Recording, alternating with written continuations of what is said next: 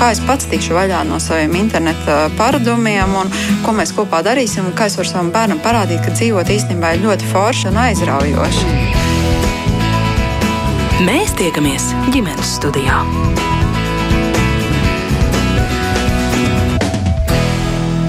Labdien, un es priecājos sveicināt jūs visus ģimenes eh, studijā. Mans vārds ir Agnēs Link, šī rādījuma producente ir Ilza Zvaigzne. Jauno vecāku labbūtībai nereti tāda svarīga lieta ir tikšanās un doma apmaiņa ar citiem jaunajiem vecākiem. Viņiem ir svarīga tieši socializēšanās, jeb saskarsme. Cik lielā mērā šo iespēju piedāvā tās augtās mazuļu, jeb bēbīšu skoliņas, kas taču it kā ir domātas bērna attīstībai, un kur, kur vēl jaunie vecāki un jaunās mammas var gūt emocionālo atbalstu atbalstu un piepildīt eh, šo vajadzību pēc saskarsmes. Par to šodien runāsim raidījumā ģimenes studija. Un manas sarunbiedrenes būs bebīšu skoliņas brīnumpela vadītāja un trīs bērnu māma Kristīna Zālīte. Labdien! Labdien! Arī bloga Mazs top liels autore un pirms pandēmijas veidojusi brīvās rotaļāšanās nodarbības mazuļiem Zana Miļūna. Sveiki! Labdien! Un telefoniski ar mums kopā ir arī PEP mamma un zīdīšanas konsultante Solvita Nēja. Sveicināta! Sveiki! Un arī certificēta pēpmāma, supervizora un plecs apmācība, apmācības grupu vecākiem vadītāja Līga Zelmena Laizāne. Sveika, Līga! Labdien! Es piebildīšu, ka šodien, kā ierasts, mēs gaidīsim arī jūsu klausītāju komentārus, viedokļus un pieredzi. Ja jums ir kas sakāms mūsu šīs dienas sarunas kontekstā, droši dariet to, rakstiet mums, sūtiet ziņas redzējumam ģimenes studiju no Latvijas radio mājaslapas. Sākšu ar jautājumu jums visām četrām, varbūt pakārtai. Mm, kā jūs teiktu, kādam mērķim ir noderīgas vai vajadzīgas mazuļu skoliņas? Skatos uz Kristīnu, tad Kristīna jūs varbūt arī varētu sākt. Jā, nu, e, kā jau e, sabiedrībā diezgan zināms, tās nodarbības ir ne tikai bērniem paredzētas, bet arī māmām. Liela daļa šīs vajadzības ir tieši tā māmu komunikācija un arī emocionālais atbalsts. Viena daļa jā, ir tā bērnu fiziskā attīstība, tur motorika sīkā un, un, un dažādas tur muskultūras attīstības, koordinācija, telpas izjūta un tam līdzīgi. Taču otra ļoti svarīga un būtiska puse šīm skoliņas apmeklējumam ir tieši māmu komunikācija un arī māmu bērnu komunikācija, emocionālā saite, kas veidojas tajā procesā, ko bērni tur piedzīvo kopā ar mamām. Tas ir tiešām tāds ļoti liels un būtisks uh, process mammu bērnu pirmajos gados. Mm -hmm. Līga, kā jūs atbildētu uz šo manu pirmo jautājumu, varbūt kolēģi papildinot? Jūs līdz pandēmijai vadījāt mammu un mazuļu atbalsta grupas ģimeņu centrā Līna klātienē, un tādas pat vadāt arī SOS bērnu ciematu atbalstītās programmas ietvaros piedzimstot bērniņam tieši saistē. Tā kā jums ir šāda arī divu veidu pieredze. Jā, un man gribās uzsvērt jau pašu, pašu nosaukumu, ka ir mazuļu skolas un ir mammu un mazuļu atbalsta grupas. Un, uh, viņām Kur tā atšķirība? Noteikti, viņām noteikti ir, ir nu, pamatmērķis, ir galvenais, ir, ir niansēti atšķirīgs ar to, ka mazuļu skolās tiešām lielākais fokus ir uz bērnu, uz, uz viņu attīstību, pārunāšanu par bērnu, bērnu lietām un mammu mazuļu atbalsta grupā. Nu, tā pamatdoma, kāpēc tās, tās tiek veidotas, lai mammas satiktos, socializētos, kā mēs pēc mammas lietojam vārdu piešķirtu normālību savai ikdienai un tiešām saņemtu arī emocionālu atbalstu gan viens no otras, cita no citas, gan no grupas vadītājas. Un, protams, ka tas ir arī saistīts ar, ar pār, sarunām par, par mazuļu attīstību. Un, un mammas tiek arī informētas, saņem, saņem psiho izglītojošo informāciju par to, kas notiek ar bērniem vai, vai un kas ir normāli, un kas notiek arī ar viņām un kas notiek ar attiecībām. Solvit, kā jūs no savas puses uz to raugāties un ko varbūt vēl papildinātu? Jā, nu, man noteikti jāpiekrīt kolēģiem. Uh, pilnīgi noteikti tas ir atbalsts mamām, iedrošinājums, zināšanas. Tie ir īstenībā arī kontakti, ko mammas iegūst uh, nodarbību laikā tā, tā ir iespēja būt vidē, kur tas ir līdzīgi domājošiem. Tā ir iespēja izrunāties, um, tā vide visbiežāk ir pieņemoša, te viens tev nekritizē, tu drīkst dalīties ar to, kā tev klājās ar bērniņu. Um, noteikti arī var sekot, kā bērns attīstās daudz koncentrētāk, varbūt nekā tas būtu iespējams mājās vienai pašai. Uh, jo tajā ikdienā, kā jau mēs zinām, ir grūtāk varbūt tās mazās lietas pamanīt, bet nākot uz šīm nodarbībām, bieži tiek uzrunāts, kas tad pa nedēļu ir mainījies, kā tad ir gājis, un tad mamām ir iespēja tiešām tā sastruktūrēt un pamanīt, jā, pat tiešām pirms nedēļas viņš jau nedarīja to, un tagad jau viņš dara to, ka tā, tā ļoti koncentrēties uz tām attiecībām un uz to attīstību, un bez šaubām arī tas emocionālais atbalsts mamām, kas ir, manuprāt, visbūtiskākais, ja mēs runājam par tādu bērnu skoliņu vai mammu un mazuļu atbalsta grupu, kas ir uh, vispirms jau līdz gadu vecumam, ja, ka tas noteikti ir tomēr mammas uh, galvenais uh, tāds uh, atbalsts, atbalst, mammas galvenā atbalsta vieta, un pēc tam jau arī mazos noteikti iegūst savukārt caur mammu. Nu, un tad visbeidzot arī vārds uh, Zanai. Zana, es palasīju nedaudz pirms rādījuma jūsu blogu. Jūs tur rakstāt, ka tās augtās uh, nu, struktūrētās un brīvās uh, rotaļnodarbības mazuļiem, tās ir divas dažādas uh, lietas. Jā, tā ir. Pamatojiet. uh, ļoti vienkārši atšķirība. Struktūrētā nodarbībā vadītājs ir pieaugušais, kurš uh, nu, norāda, parāda vada bērna darbības brīvajā rotaļā, vadītājs ir bērns. Tas, ko dara pieaugušais, ir iekārto vidi. Līdzīgi kā, nu, ja mēs gribam rūpēties par saviem augiem, mēs sagatavojam atbilstošu augsni. Tāpat arī šīs brīvās rotaļāšanās nodarbības ir, ir tādas, kurās šī rotaļāšanās vide, rotaļāšanās augsne ir sagatavota pakārtota bērna konkrētajam rotaļāšanās attīstības posmam, jo rotaļāšanās attīstība arī notiek pēc zināmas, zināmas kārtības, līdzīgi kā fiziskā un vispārējā attīstība. Un, jā, šis ir īstenībā domājot tieši par to, kam tad šīs nodarbības ir vajadzīgākas mammai vai bērniņam. Un domājot par tām bērna vajadzībām, man liekas, šī ir galvenā uh, kuru bērniņš var nodarbībās apmierināt. Viena no galvenajām, ja viņš var realizēt savu rotaļāšanās attīstības šī brīža aktuālo nu, scenāriju. Mm -hmm. Kur tajā visā ir mammas vieta, loma, ieguvums um, brīvajā rotaļnodarbībā? Jā, jā. Um, Nodarbības parasti ir struktūrētas tā, ka mēs satiekamies, pārunājam, kas, kas nu mums ir šajā nedēļā aktuāls. Kas ir bijis uh, grūtais un arī kas ir bijis jaukais. Māmas uh, nu, tādējādi diezgan uh, bieži trendējas, un viņām kļūst ar vien vieglāk ieraudzīt arī tos um, gaišos brīžus savā ikdienā, ar kuriem pēc tam padalīties. Un tad nākamais nodarbības posms ir uh, 30-40 minūtes, kad mēs vienkārši pieaugušie sēžam zāles malā, aplī un mierīgi vērojam, ko bērni dara. Kā bērni izmanto šo laiku. Jā, visas viņu um, iekšējās programmas, kā darbojas, un, un visbiežāk tie ir tādi. Tās ir tādas nu, mainītas aktivitātes uh, no sīkās motorikas darbībām, un tad ir Nezinu, piemēram, jāapskrien trīs reizes apkārt zālē, tad ir jāpaskatās, ko kolēģis dara, tad var atkal atgriezties pie nu, tā mazā darbiņa, kas nu ir bijis darīts. Bērniem ir vispār cilvēkiem, manuprāt, no dabas dod ārkārtīgi spēcīga laika struktūrēšanas programma, lai īstenotu to, kas viņos ir nu, ielikts, kas viņiem ir, pareizāk sakot, jā, jāattīst un jāizpilda. Mm. Vai ir svarīgi, kādā vecumā ir šīs jūsu raksturotās nodarbības? Uh, nu, tāda mana pārliecība ir, ka līdz divu gadu vecumam šis ir piemērotākais veids um, bērniem. Mm -hmm. -hmm.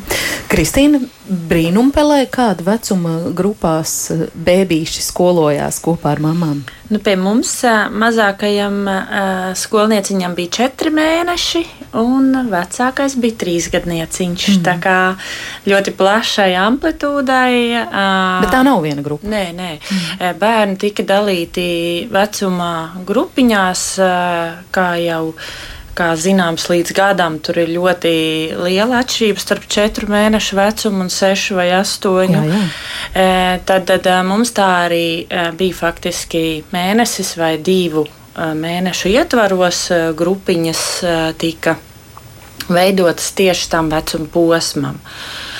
Lūk, un tad, jā, tad mums tās nodarbības struktūra bija tāda, ka sākumā mammas tiekās, parunājās, tieši tā bērni tur brīvi rotaļājās.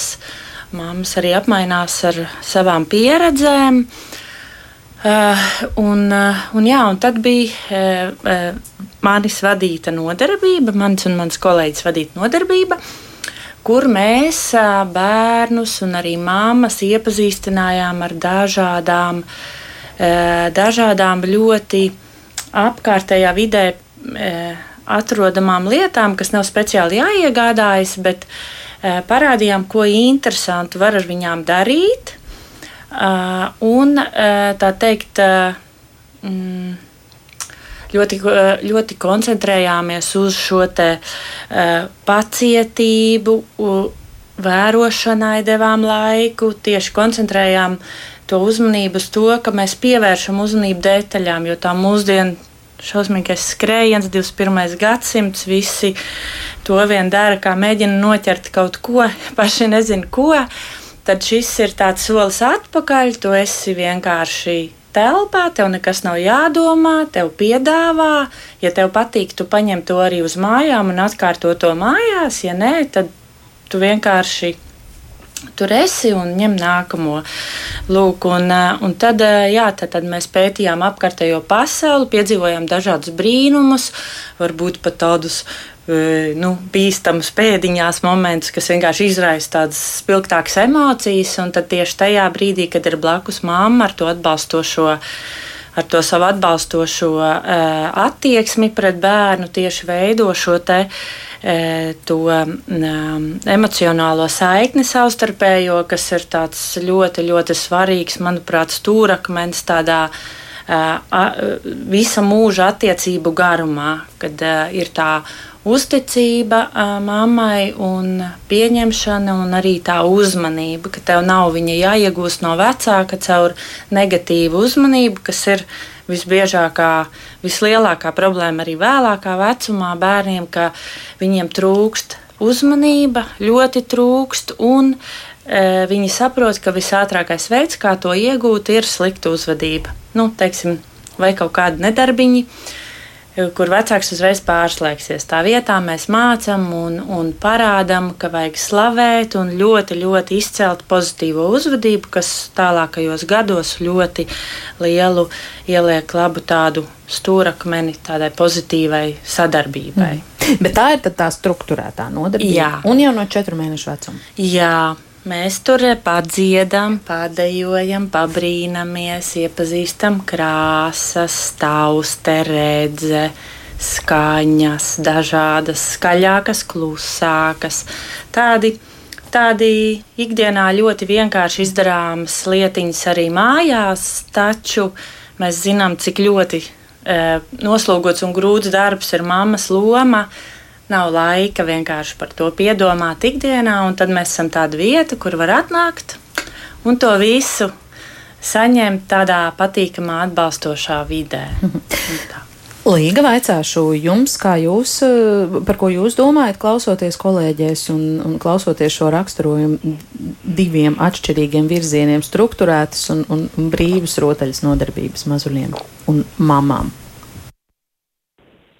Jā, tas sanāk, ka dalījums ir vēl sīkāks. Ir brīvās rotaļāšanās skoliņas, struktūrētās rotaļāšanās skoliņas mazuļiem un mammai, mamām emocionālā atbalsta skoliņas, jeb grupas. Un tā kā tas ir ļoti, ļoti būtiski un svarīgi, ka ir šī arī Latvijā diezgan mazā valstī, bet ir šī, šī plašā izvēle un katra mamma var, var tiešām saprast, sajust, sameklēt informāciju, kas der viņai un viņas mazulim. Varbūt es varu arī jums eh, abām ar Solvitu papildu jautājumu par to, kā jūs teiktu, kāpēc eh, jaunajiem eh, vecākiem un vai abiem jaunajiem vecākiem, vai vairāk mammai tik svarīga šī socializēšanās, vai tas tā vienmēr ir uh, visiem, nu, neatkarīgi no tā, kāds ir tas mans temperamenta tips vai rakstura iezīmes. Jā, Gunita mums arī jau ir atsūtījusi komentāru lūgums adresēt arī tētus, kas uzņems mazuļu audzināšanu, un tādu paliek arvien vairāk. Tātad par jaunajiem vecākiem, kāpēc viņiem tas ir uh, svarīgi un vai visiem? Kāda jūs vērojama līga? Um, Mans vērojums un, un apstiprinājums, ko es dzirdēju, pieslēdzoties studijai dažas minūtes pirms sākās mūsu raidījums, es dzirdēju pirmo frāzi, pirmo teikumu, es dzirdēju, ka Latvijā rindas pēc psihiskās veselības uzlabošanas pakalpojumiem ir ļoti garas. Mm, šis pilnīgi noteikti socializēšanās gan mamām, gan, nu, primāri jau mamām socializēšanās tik līdz, ko piedzimst bērniņš. Uh, ir ļoti, ļoti preventīvs pasākums tiešām pēcdzemdību depresijai, trauksmei un, un, un, un visām citām psihiskajām, sas, nu, lielākai daļai, ne, neuzdrošinos teikt visām citām psihiskajām saslimšanām, jo cilvēks ir sociāli būtni pašos pamatos, un viena no viņa pamata vajadzībām ir būt attiecībās, un mamma ar mazuli ir attiecībās, un uh, nu, lielākā daļa mammu, šo, vismaz tajā burbulī, kurā es esmu, esmu, ir ļoti, ļoti fokusētas, ļoti izglītotas, ļoti cenšas dot mazulim to labāko un piepildīt viņu šo te pamatvajadzību apmierināšanu pēc attiecībām.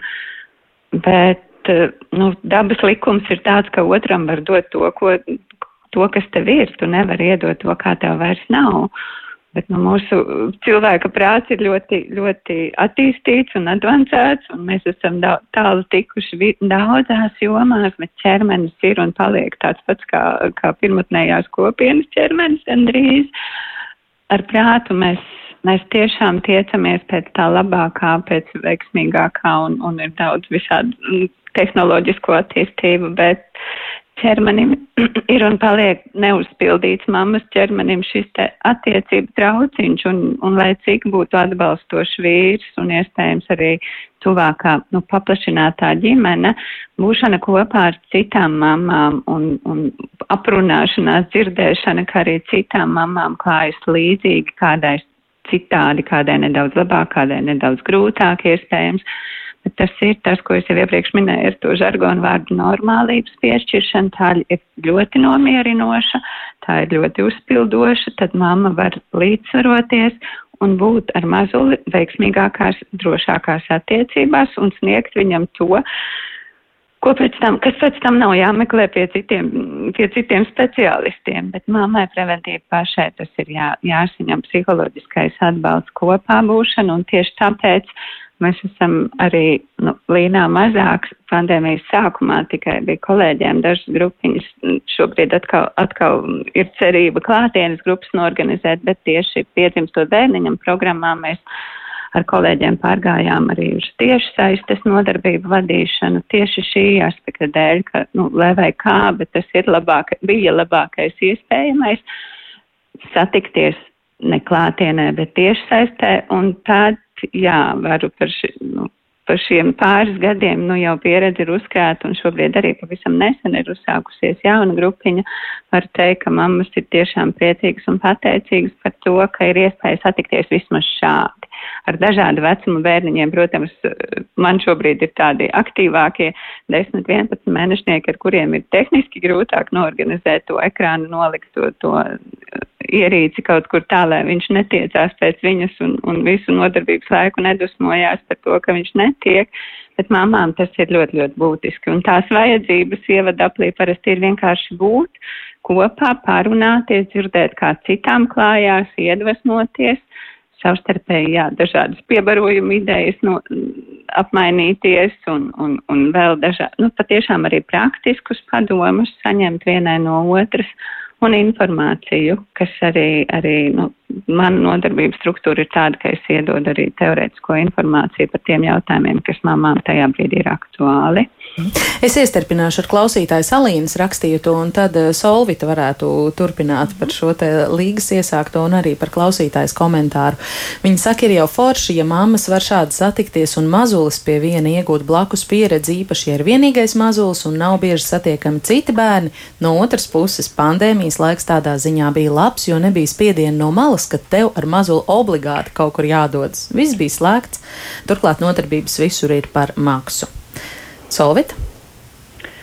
Jā, nu, ja es uh, atgrieztos pie mm, līgas komentāra, tad uh, tieši tā es arī līdzīgi domāju. Un, un, uh, cilvēks ir sociāli būtne jau pēc būtības, un uh, es domāju, ka mēs šeit arī varam runāt par divu pušu vajadzībām. Viens ir mazuļu vajadzības, un otrs, otra puse ir uh, māmas un tētu vajadzības. Noteikti tētis mēs mazāk pieminam, jo nevis tāpēc, ka viņi būtu mazāk uh, tur klātesoši, bet tāpēc, ka šīs bēbīšu skoliņas visbiežāk apmeklē mammas ar mazuļiem, uh, tādēļ šīs mammītes tiek biežāk pieminētas.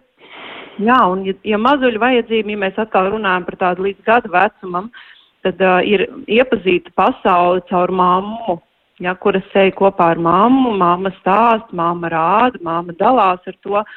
Pie mammas jūtos droši un tādā veidā es arī mācos un apgūstu, kas tad ir šī lielā dzīve un lielā pasaule. Savukārt tā otra puse ir mamītas vajadzības un, un, un nomainīt mājas vidi un, un ikdienā ienest kādu mm, citu svaigumu vai kādu citu iedvesmas avotu vai enerģijas resursus, iet, uzzināt kādus.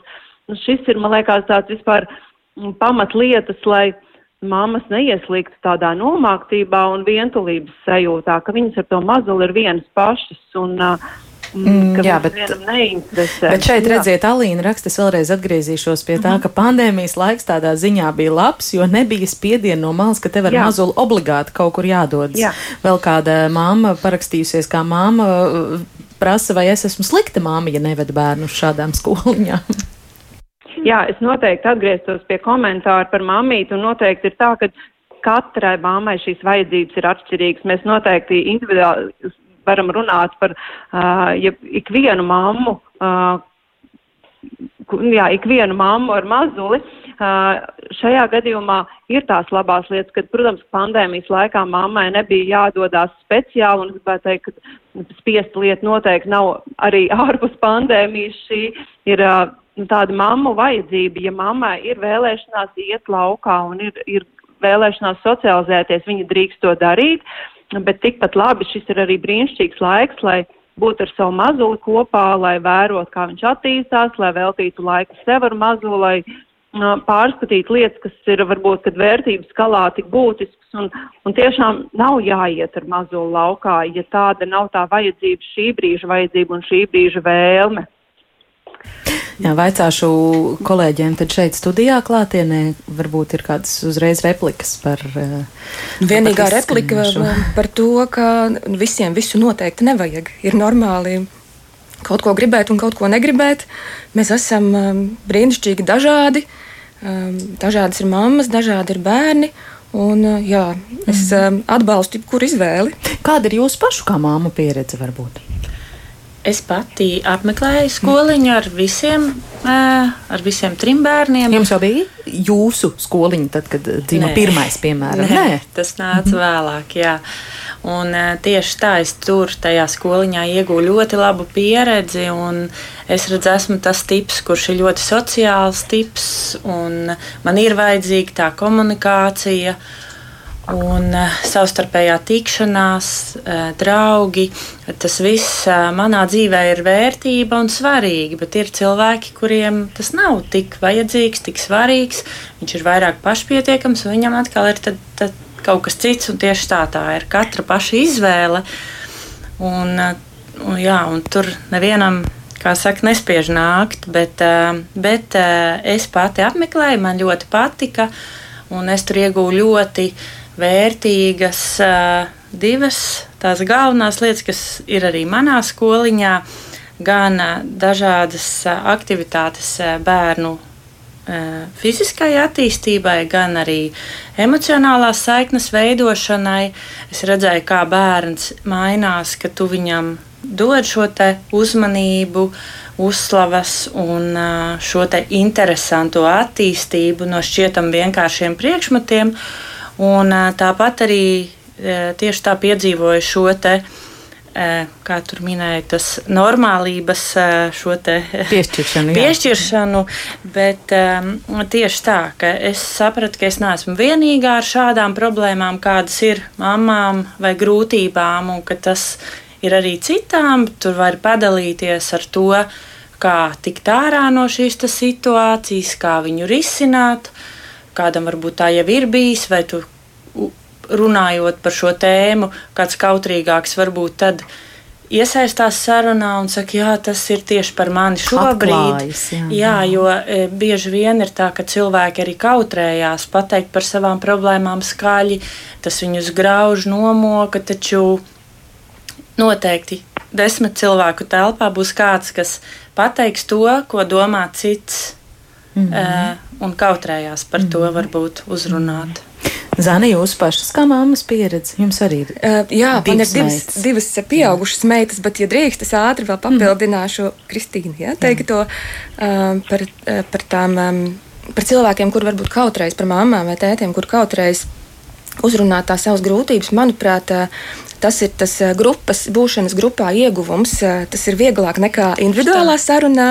Es varu ilgu laiku vispār nepiedalīties, nu, būt klātesoši, bet varbūt nedalīties tajā, kas man ir grūti. Bet, sadzirdēt, un to es esmu arī no daudzām mamām bieži dzirdējusi, ka, jā, šeit es sadzirdēju, ka citām arī ir tā. Šeit es ieraudzīju, ka citi bērni arī dara vai nedara tā. Jā. Un tā ir milzīga vajadzība visām mamām uh, nu, gūt apstiprinājumu, jā, ka citas jūtās tāpat, un uh, um, tas ir normāli. jo jā. citādi. Nu, tā mammas dzīve ir tāda peldēšana, izplatījumā un taustīšanās, kur tad ir pareizi un kur ir nepareizi. Ļoti bieži, ne visām, bet uh, bieži tas tā ir. Jā, jā to es gribēju vēl. Jā, vīriešiem šajā iebilst. ziņā ir daudz vienkāršāk. Viņiem kaut kā neskrien tik daudz tās domas, varbūt galvā nav tik daudz jautājumu kā sievietē. Viņi eh, daudzas lietas pieņem daudz vieglāk, bet mums sievietēm par to vajag parunāt, varbūt vairāk kārtīgi parunāt, un tad uh, priekš sevis ielikt kaut kādā tādā kastītē. Un, Un, un nu, tas ir tālāk. Jā. Jā. jā, Jūs bet, aizgājāt no savas no es aizgāju no, aiz, aizmuku no pieredzes. Jā, jā, kā es teicu, man ir divas lielas meitas. Tad, kad mana vecākā meitiņa bija maza, viņa ir dzimusi 95. gadā, tad vēl šeit par bērnu skoliņām, manuprāt, vispār neviens neko nebija dzirdējis. Un tad, kad bija piedzimusi mana jaunākā meitiņa, viņa ir dzimusi 2000. gadā. Viņai bija kāds pusotrs vai divi gadi, precīzi neatceros, kad mēs sākām iet uz, manuprāt, vienu no pirmajām, ja ne pašu pirmo bērnu skoliņu Rīgā, kas bija Mazulītas Rū, kur es arī sapratu, ka. Mm, Šis ir tas ceļš, kur es arī varētu iet un turpināt. Un īstenībā tur arī sākās tad, tā mana bērnu skolas vadītājas karjera. Jā.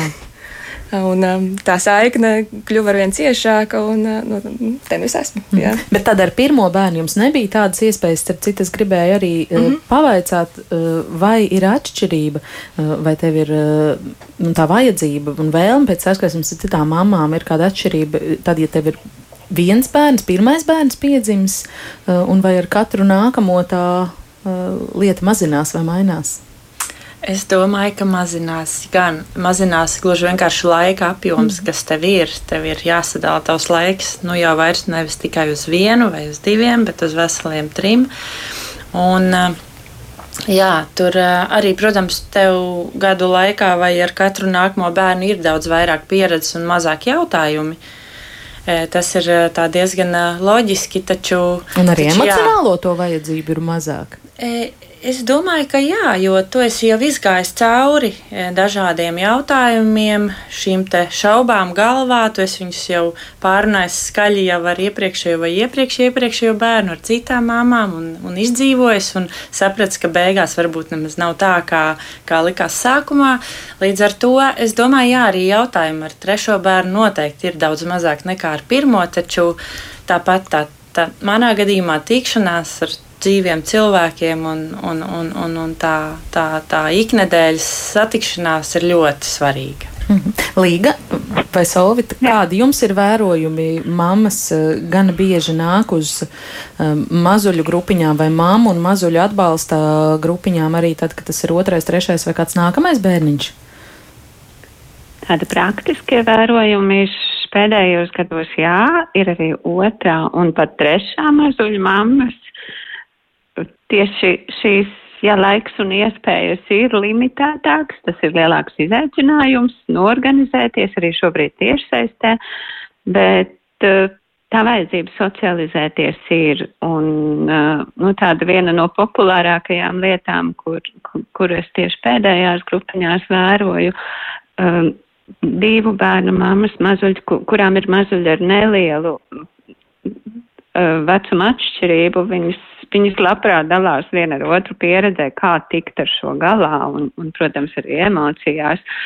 Un, un viņām ir ļoti palīdzoši un, un um, iedrošinoši, ja ir vēl kādi, kas šim līdzīgi iet cauri un, un var saņemt gan atbalstu, gan informāciju, gan piederības Jā. sajūtu. Solvet, jums arī kas par šo? Jā.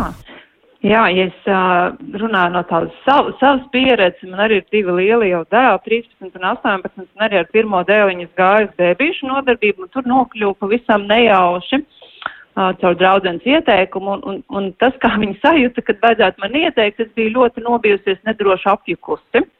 Un viņas aizēja, aizēja paskaties, kā tu tur notiek, un varbūt, ka tev patīk un nodara. Un es atnācu pavisam tāda. Uh, arī varētu teikt par sevi, ka esmu komunikabls cilvēks un, un uh, ātri var iejusties, tomēr es atnācu tāda mazliet vērotāja, un tā vide ļoti iedrošināja. Uh, nodarbība vadītāja pamanīja, kas ar mani notiek, uzrunāja, viņa teica, tu jūties satraukta, par ko tas ir, mēs runājām par to, un tas iedod tādu spēku un enerģiju, nu, jā, kas bija īstenībā ļoti, ļoti nepieciešama man kā mammai. Savukārt, es runāju par to, uh, Uh, otro pieredzi ar uh, dēlu, tad es jau zināju, uz ko es eju. Man nemainījās, es teiktu, vajadzība pēc bērnīšu nodarbībām, bet mainījās fokus. Es biju daudz drošāk, es zināju, kā tas notiek, uh, es zināju, ka tur var saņemt informāciju, bet tas, kas vislabāk, man liekas, bija tas, ka es zinu, ka es tur saņēmu šo normālības sajūtu. Man, liekas, man ļoti patīk tas vārds salikums normālības sajūta, jo tas, kas notiek ar mani, ir normāli. Un bieži mammītēm ir tā, ka vai tas, kā es daru, vai tas, kā es jūtos, vai tas, kas notiek, ir normāli. Un, uh, ja tu tiecies ar līdzīgi domājošiem un ir šīs tēmas uh, līdzīgas un vajadzības līdzīgas, tad ir šī normālības sajūta, ka viss kārtībā. Un tas arī patiesībā ir tas, kas tad ļauj, nu, vai palīdz, jāsaka, tā iziet cauri uh, šim periodam, kad uh, ir grūtāk varbūt tās nekā pirms tam vai ar lielākiem bērniem. Tā kā tam posmam vieglāk iziet cauri. Jā, paldies. Zani, jūs vēl ko gribējāt piebilst? Jā, par uh, mamām, kurām ir vairāk bērniņi, tā mana pieredze ir bijusi tāda, ka nāk arī mammas, kurām ir, ir piemēram, piektais bērniņš. Un, uh, tas, ko viņas saka, ka šeit, protams, tas, tā, tā laika apgūšana ir daudz sarežģītāka, bet šī ir tā stunda, kur viņi var tiešām apsēsties, būt mierā. Drošā vidē, gan emocionāli, gan fiziski. Ne tikai viņam, viņai, bet arī bērniņam. Un, un par emocionālo es domāju, arī šo būtiski pieminēt, ka tā ir vide, kurā netiek sniegti nelūgti padomi, kas man liekas visādos māmu čatos ir savādāk. Jā, kur viņi var justies klātesoši, vērot, kas notiek ar viņas bērniņu un ko viņš dara. Un, un arī šim bērniņam varbūt nu, tie dzīves apstākļi ir dažādi un tās dzīves telpas ir atšķirīga lieluma. Un, Un es esmu arī dzirdējis par to, ka šis, šī ir tā vide, kur nu viņš netraucētu par tām savām rotaļu aktivitātēm pievērsties, jo tur pāris gadu vecāki brāļi, māsas vienmēr ievieš savas korekcijas. Tā kā, nu, es domāju, nodarbības var būt piemērotas, derīgas arī tad, kad jau ir vairāk bērnu. Un, jā, vēl, vēl viena mana pieredze ir, ka nu, tie jautājumi nekad nebeidzas patiesībā, un kaut kādas lietas, kas, ko mammas, kas, ko viņam varbūt pat vajag pārstrādāt, atļaušos teikt tā, viņas uzrodas atkal un atkal, un mēs varam pārunāt nu, nebeidzami daudz. un arī praktiski jauns bērns, arī, jauni jautājumi. Arī jā. savādāks bērns. jā, jā, protams. Tā. Es atgādināšu, ka ģimenes studijā mēs šodien runājam par to, kāpēc jaunajām mamām svarīga socializēšanās un jaunajiem vecākiem socializēšanās svarīga citam ar citu, kādas iespējas piedāvā dažādas mazuļu, mazuļu skoliņas, rotaļu nodarbības vai atbalsta grupas. Un manas eh, sarunu biedrenes šodien ir Kristīna Zālīta, Zane Miļūna, Solvita Nēja un Līga Zelmene Laizāna, bet šobrīd mūsu sarunai pievienosies vēl kāda jaunā māmiņa. Kristīnas dēlam ir eh, tikko astoņi mēneši, un viņa padalījās ar savu pieredzi ģimenes studijai pastāstot, kas tad viņai šai pandēmijas laikā, ar ko sakrit viņas grūtniecība un, un bērniņa pirmie dzīves mēneši, ļāva piepildīt vajadzību pēc saskarsmes un domapmaiņas ar citiem jaunajiem vecākiem, stāst Kristīna. Grūtniecības laikā, diemžēl, tad bija tā Covid pandēmija un klātienē nekādas nodarbības nevarēja norisināties. Bet es izmantoju pakalpojumu online. Tur bija gan pieaicinātas dūles, pastāstīja par to pašu dzemdību, pirmsdzemdību periodu, pēcdzemdību periodu, pašām dzemdībām. Arī fizioterapeita, bet teiksim, tā, tas kurs bija uh, liederīgs, bet viņš būtu daudz liederīgāks, ja tas būtu noticis klātienē. Kas ir ļoti, ļoti labi, ir šīs Facebook grupas, kurā mēnesī tas bērniņš būs dzimis. Tad, piemēram, mums viņš piedzima septembrī, tad arī, piemēram, septembrī mazu, mazulis attiecīgajā gadā. Un šīs māmiņas dalās ar savu pieredzi, ar saviem pārdzīvojumiem, ar lietām, mantām, mainamies tām jaunajām mamām. Ir nu, tādas tā kā padomdevējas, es teiktu. Tad atsevišķi mums arī ir WhatsApp grupiņa, kuras mēs jau sākumā pievienojāmies, ļoti sadraudzējāmies savā starpā. Tad mums ir tāda ļoti tāda saliedēta grupa. Jebkurā dienas laikā, tīpaši pēc dzemdībām, vai, vai kaut kas notika šajā pirmsdzemdību periodā, mēs uzreiz rakstījām. Bija kaut kāda atbilde, protams, neiet runa par medicīnisku raksturu jautājumiem, to viennozīmīgi nolēma ārsts. Bet tādas, teiksim, tā emocionālais atbalsts bija ļoti daudz. Un, protams, ja kāda mamma uzrakstīja kaut ko, kas ir sliktāk viņai noticis, vai pēkšņi viņa nonākusi medicīnas iestādē, tad ir tas uztraukums, vai tikai man kaut kas nebūtu, vai kādai citai māmai māmiņai. Bet, nu, es teiktu, ka mūsdienās teiksim, tādi sociālai tīkli, protams, ar lielu pluszīmi, bet tur arī var sameklēt mīnusus. Ir arī citi fórumi, kur šīs māmiņas dalās. Un tad tur, protams, ir ļoti daudz negatīvu komentāru. Tā, bet, kas ir tāda ļoti individuāla, tā grupa ir daudz, daudz liederīgāka. Un tieši emocionāli arī turpat ir māmiņas ar trīs un vairāk bērniņiem. It kā tu jau daudz maz visus zini, tu saprati to situāciju ar to mammas lomu. Bet tāpat tās ir patīkami dzirdēt, varbūt kaut ko var ieteikt, teiksim, tā, tā mamma ar pieredzi vai ne. Un tad ir tāds domu un emociju apmaiņas. Un mēs jau plānojam arī vasarā visas tikties. Arī tīpaši tās, kas dzīvo Rīgā, organizējam pastaigas un plānojam uh, vasarā tādu lielāku pasākumu, kur varēs ierasties daudz vairāk māmiņas ar pirti, bērniem un vīriem. Tā kā, nu, tas tāds, tāds foršs saliedēšanās pasākums būs. Jo arī tajās bērnu skolās, cik es arī biju zvanījusi, uh, ir ļoti daudz dēļ šīs Covid pandēmijas arī nemaz nenorisinājusi, jo viņi nevarēja nodrošināt to. Vienu brīdi tad notiek, tad otru brīdi nenotiek. Un, un bērni varbūt šajā vecumā tur mazāk, tur varbūt skatās viens uz otru, tur paripo, kāds varbūt jau sācis rāpot vai stutējas uz celīšiem šajā vecumā. Nu jā, kā jau teicu, šajā vecuma posmā varbūt tam bērnam tas mazāk ir noderīgs, ne? bet tā mamām tā socializēšanās. Tā kā opcijas ir daudz. Tas pats tālbasēns, kur ir citas vecuma grupas, arī mazuļi, vienāda vecuma, tāpat ir mūzikas skola.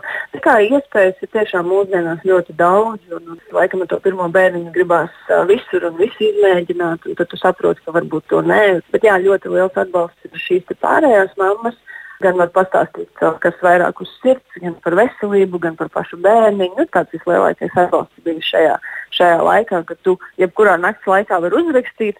Tad tu zini, ka kāda mamma arī noteikti negulēs uh, pa nakti un varēs atbildēt vai vismaz morāli, morāli palīdzēt.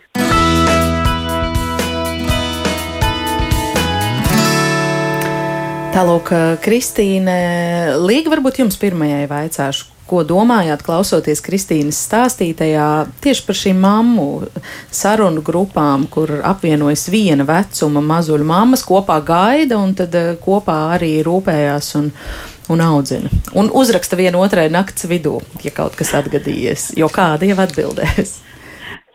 Jā, tā bija mana pēdējā do, doma pirms mūzika sāk skanēt, brīnišķīga pašpalīdzības grupa izveidojas. Vēl viens grupas veids, tips, kur cilvēki, kam ir kaut kas vienots, apvienojas vienā grupiņā un tiešām savā starpā citam sniedz palīdzību un atbalstu. Un kā jau Kristīna minēja, jebkurā diennakts laikā no kādas mammas noteikti var saņemt atbildi. Visas vienlaicīgi neguļ, bieži vien, un, un ja tā ir viena vai divas tikai mammas, tad, tad tā iespējamība saņemt atbalstu tādu, kāds vajadzīgs, un, un tad, kad nepieciešams ir mazāka, jo lielāka grupiņa, jo, jo nu, iespēja lielāka un, un tāda tiklošanās lielāka.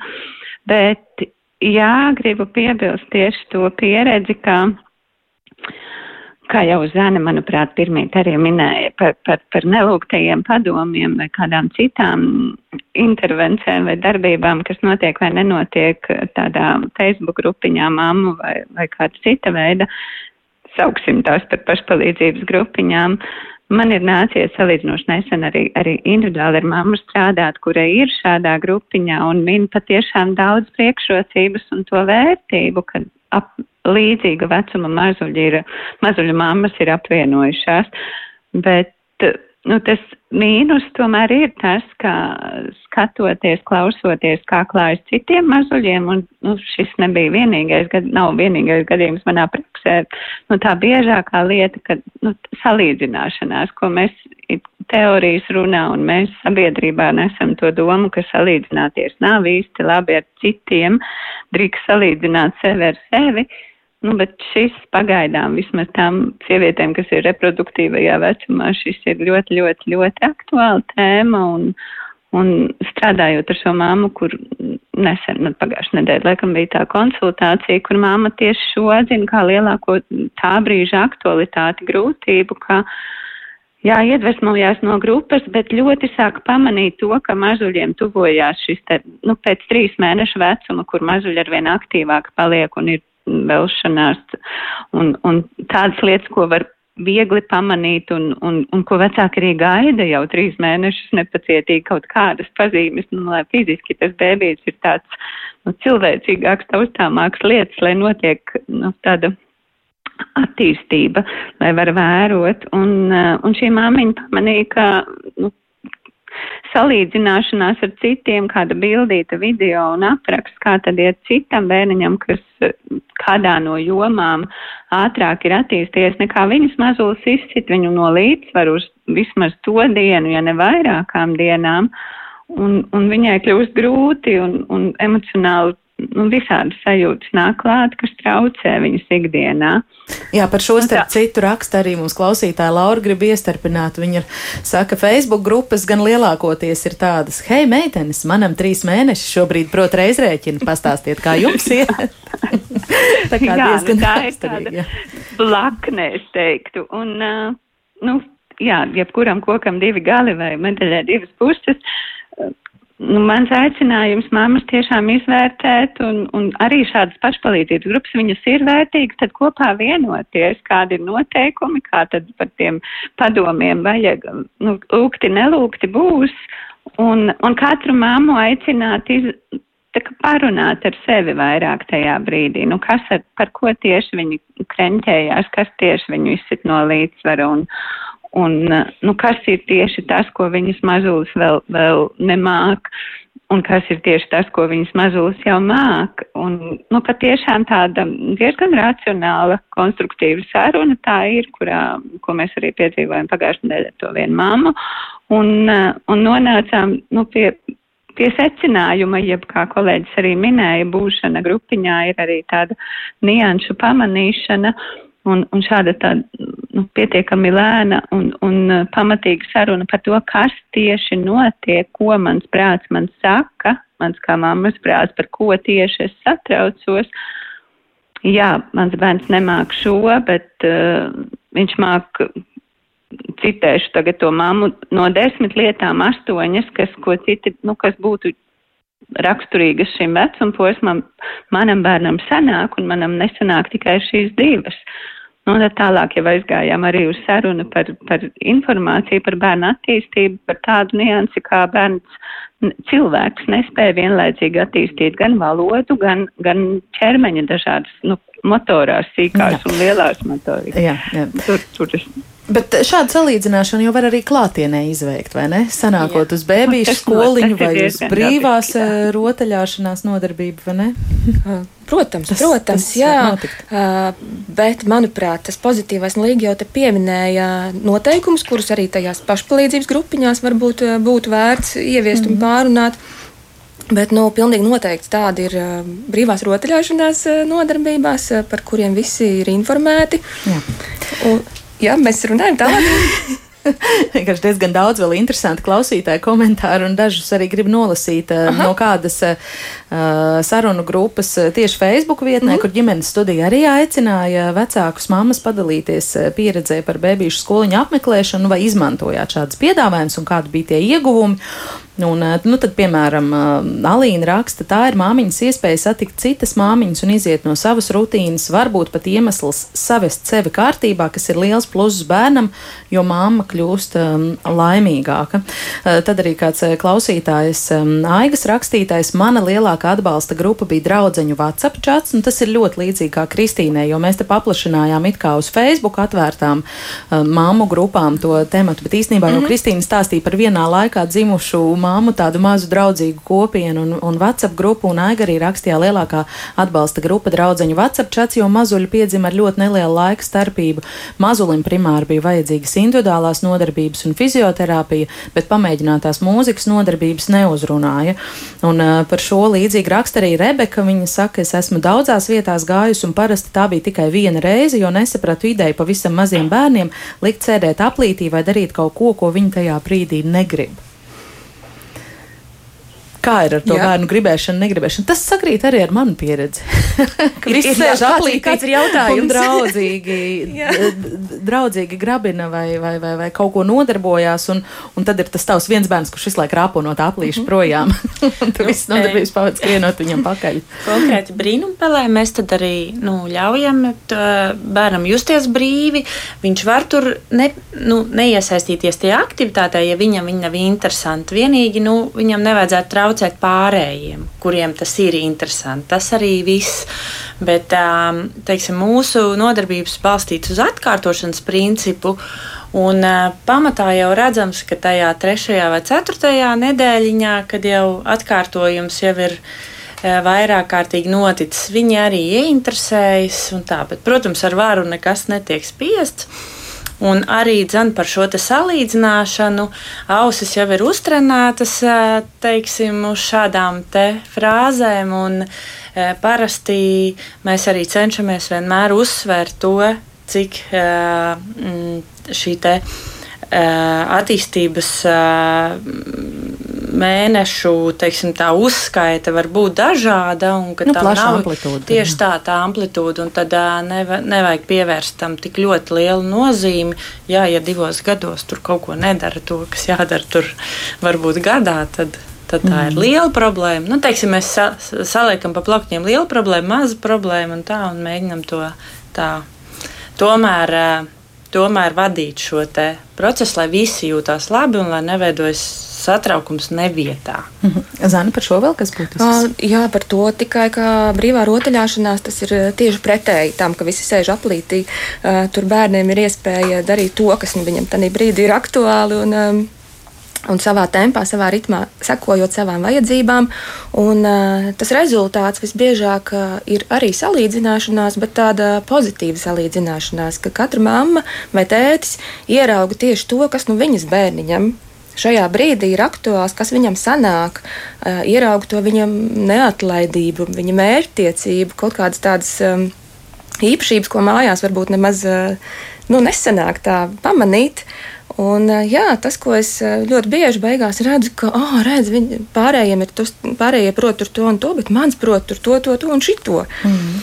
Vai arī pavisam pretēji mēdz būt tā, ka māma pamana tieši citam bērnam, paskat, viņš to dara jau. Arī. Oh, jā, jā, tiešām es nebiju tā piefiksējis, pat, nu, it kā tā liekas tāda norma, taču bērnam tā tas tāds liels sasniegums, un to caur WhatsApp vai, vai Facebookā tādas lietas tomēr tomēr nevar grūtāk nodot. pamanīt, protams. Jā. Jā. Nolasīšu Ilzas eh, visbeidzot komentāru, un tad eh, Solvitai, kur ilgāku laiku klusējusi, varbūt eh, pēdējais vārds. Ilza raksta, runājot par māmu atbalstu, uzskata, ka viss atbildes slēpjas garlaicībā un nenodarbinātībā. Ar pirmo bērnu dzīvoju Rīgā dzīvoklī kopā ar un bez mazā tikos ar draugiem, gāju uz veikaliem, teātru un tā tālāk. Tāpat likās, ka esmu pilnīgi izolēta četrās sienās. Covid dēļ pārcēlāmies uz laukiem un ar otro bēbi gandrīz gadu dzīvojām pilnīgā nošķirtībā nošķirtībā, bet ir tik daudz darāmā dārzā pie dzīvniekiem, ar mazo pie mājas remonta. Nevienu dienu nav bijis vientuļi, jo tam nav laika. Tagad Covid ierobežojumi beidzas, sāksim uzņemt ciemiņus, tā raksta Ilze. Nu, tad Solviti jums varbūt noslēdzošais par šo. Diezgan izplatīta Jā. laikam. Māmām atbalsts vajadzīgs eh, nenodarbinātības dēļ. Es saprotu, ka tas nav īsi komentējums, bet jums jāpacenšas. Man jā, grūtāk iesprāgties, neredzot jūs klātienē šodien. Katrā no šīm jau iepriekš kolēģi uzrunātajām lietām un tēmām man nāks, protams, ļoti daudz piekrist līdzīgi domājam.